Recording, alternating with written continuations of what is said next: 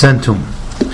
يسأل سائل فيقول أي أرجو بيان معنى قول النبي صلى الله عليه وسلم عندما سئل سعر لنا يا رسول الله فقال النبي صلى الله عليه وسلم إنما المسعر هو الله إني لأرجو إني لأرجو أن ألقى الله وليس لأحد عندي مظلمة. ما معنى هذا الحديث؟ أول حديث يوضح هذا قال السعر. يعني غلت أثمان البضائع. وظن يقصد الأطعمة فقال إن المسعر هو الله يعني إن هذا كان بقضاء الله وقدره. نعم. بعض أهل العلم استفاد من قوله صلى الله عليه وسلم إنما المسعر هو الله. قالوا يجوز للحاكم أن يتدخل. وهذا يعني فإذا رأى من التجار المغالبة والمضارة الأسعار فإن الحاكم يتدخل ويمنع هذه المغالبة ويستعين بخبراء على تحديد سعر لا لا يضر به البائع ولا المشتري. وهذا هو الحق إن شاء الله تعالى. والمشاهد الآن من لمن رحم الله أنه إذا أنهم يغتنمون كل فرصة لرفع الأسعار.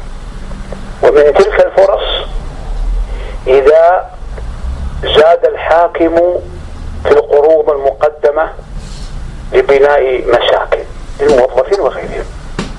فإن تجار الأراضي يزيدون بسعر الأراضي. وإذا زادت رواتب الموظفين زاد التجار في أسعار المواد الغذائية.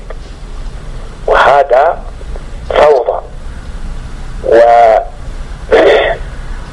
وأذى سيما ضعفاء الدخل والموارد من الناس. فيتدخل الحاكم ويردع هؤلاء التجار المغالبين آه الذين يغتنمون مثل هذه الفرص لرفع الأسعار بغير ما مسوق.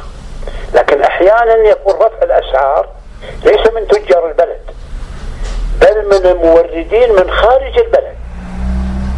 وهذا في الحقيقة يعني آه، يحتاج إلى تعاون بين الحاكم وهؤلاء التجار.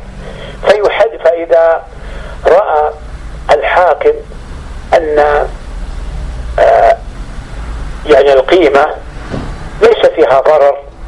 قد يكون فيها ضرر لكن غالب الناس ليس عليهم فيه ضرر.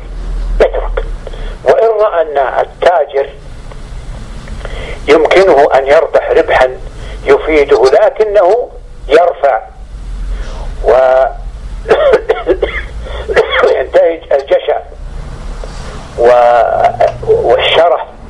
والنهم في طلب الربح الكبير الذي يضر بعوام الناس لا سيما فقراؤهم ومساكينهم. فإن الحاكم يتدخل ويرجع أيضا.